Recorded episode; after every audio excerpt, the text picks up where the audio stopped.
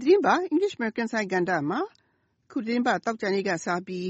အမေရိကန် အရှေ့တောင်ပိုင်းရှိ တောင်နဲ့မြောက် Carolina ပြည်နယ်တွေကို ဝင်တိုက်ခဲ့တဲ့ Florence အပူပိုင်းမုန်တိုင်းဒဏ် လူလဲခံနေရတဲ့ သတင်းတွေအကြောင်း ရေးသားဖော်ပြနေကြတာ တွေ့ရတဲ့အတွက်ကြောင့်လေမုန်တိုင်းလို့ အဓိပ္ပာယ်ရတဲ့ storm ကို အခြေခံတဲ့ idiom အသုံးတွေကို တင်ပြပေးမှာ ဖြစ်ပါတယ်။ခု ပထမဆုံး တင်ပြပေးမယ့် idiom အသုံးကတော့ A storm is brewing. ဖြစ်ပါတယ်။ စာလုံးပေါင်းက A S T O R M a storm ကမုန်တိုင်း I S is B R E W I N G is brewing က B R E W brew ဆိုတဲ့ကရိယာ verb ကနေဆင်းသက်လာပြီးတော့အဓိပ္ပာယ်အမျိုးမျိုးရှိပါတယ်။ဥပမာဘီယာကို brew လုပ်တယ်ဆိုရင်ဘီယာဖြစ်လာဖို့ဘာလီကိုအချင်းဖောက်တာကော်ဖီဒါမှမဟုတ်လက်ဖက်ရည်ကို brew လုပ်တယ်ဆိုရင်ရေနွေးတယ်ပြီးနှက်တာ ကော်ဖီစက်နဲ့နှက်တာလို့ အဓိပ္ပာယ်ရပါတယ်။တမန်အဖြစ်တော့ ပြင်ဆင်တယ် ဟန်ပြင်းတယ်လို့ အဓိပ္ပာယ်ရပေမဲ့မုန်တိုင်းနဲ့ ပတ်သက်ရင်တော့တက်ခတ်ဖို့ ဟန်ပြင်းနေတာ မုန်တိုင်းကြတော့မယ် အရေးလက္ခဏာကို ဆိုလိုတာ ဖြစ်ပါတယ်။ဒါကြောင့် စကားစုရဲ့ တိုက်ရိုက်အဓိပ္ပာယ်က မုန်တိုင်းတိုက်ဖို့ ဟန်ပြင်းနေတာ ဖြစ်ပါတယ်။ idiom ဆိုတဲ့တော့အဓိပ္ပာယ်ကတော့ ဒေါသဖြစ်ဖို့ ဟန်ပြင်းနေတာ ဖြစ်ပါတယ်။ကျမတို့ မြန်မာအသုံးဆိုရင်တော့ ဒေါသအိုး ပေါက်ကွဲတော့မယ် ဒေါသပုံထတော့မယ်ဆိုတဲ့အသုံးနဲ့ဆင်တူတယ်လို့ဆိုရမှာပါ။ဒီအသုံးနဲ့ပတ်သက်လို့ George ကိုပေးတဲ့ဥပမာကိုလေ့လာကြည့်ကြရအောင်ပါ။ John looks very angry. A storm is brewing. John ကိုကြည့်ရတာတိတ်ဆိတ်ဆိုးနေပုံရတယ်။ဒေါသအိုးပေါက်ကွဲတော့မယ်လို့အဓိပ္ပာယ်ရပါတယ်။ဥပမာကိုနောက်တစ်ခေါက်လေ့လာကြည့်ကြရအောင်ပါ။ John looks very angry. A storm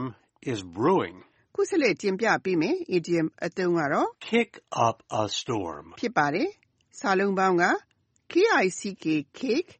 up up kick up ကအပေါ်ကို ကန်လိုက်တာ a storm a storm ကမုန်တိုင်း ဖြစ်ပြီး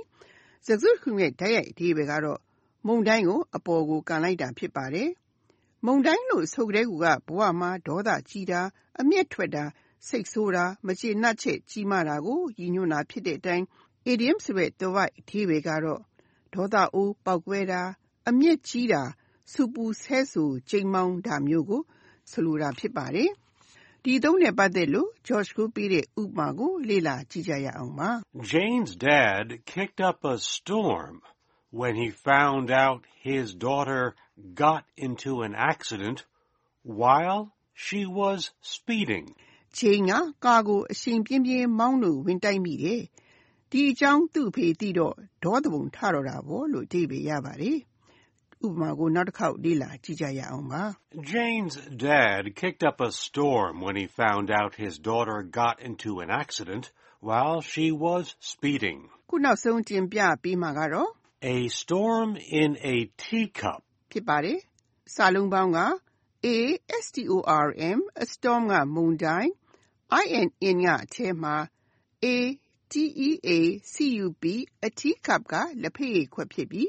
စကားစုတခုရဲ့ တိုက်ရိုက်အဓိပ္ပာယ်ကတော့ လက်ဖက်ရည်ခွက်ထဲမှာ တိုက်ခတ်နေတဲ့ မုန်တိုင်း ဖြစ်ပါတယ်။လက်ဖက်ရည်ခွက်ထဲမှာ တိုက်ခတ်တဲ့ မုန်တိုင်းလို့ တင်စားပြောထားတဲ့အတိုင်း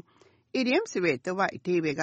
အတိုင်းအဆမမျှတာကို ရည်ညွှန်းတာ ဖြစ်ပါတယ်။တနည်းတော့ ဘာမဟုတ်တဲ့အကြောင်းကြောင့် ဒေါသအိုးပေါက်ကွဲတာကို ဆိုလိုပါတယ်။စိတ်ဆိုးစရာမရှိ ရှာကြံစိတ်ဆိုးတာ ပုံကြီးချဲပြီး စိတ်ဆိုးတာမျိုး ဖြစ်ပါတယ်။ တခါတရံလည်းမဖြစ်စလောက် အကြောင်းအရာတွေ အရေးမကြီးတဲ့ ဘာမဟုတ်တဲ့အကြောင်းနဲ့ ပတ်သက်ပြီး စိုးရိမ်ပူပန်မှုကြီးတာ ပြဿနာတက်နေတဲ့ အနေအထားမှာလေဒီအသုံးကို ရည်ညွှန်းသုံးနိုင်ပါတယ်။တစ်စိတ်ကိုအိတ်လုံးပြီး ကြံဖန်ဒေါသထွက်တာမျိုးနဲ့လည်း ဆင်တူတယ်လို့ ဆိုရမှာပါ။ဒီအသုံးနဲ့ ပတ်သက်လို့ George ကိုပေးတဲ့ ဥပမာကို လေ့လာကြည့်ကြရအောင်ပါ။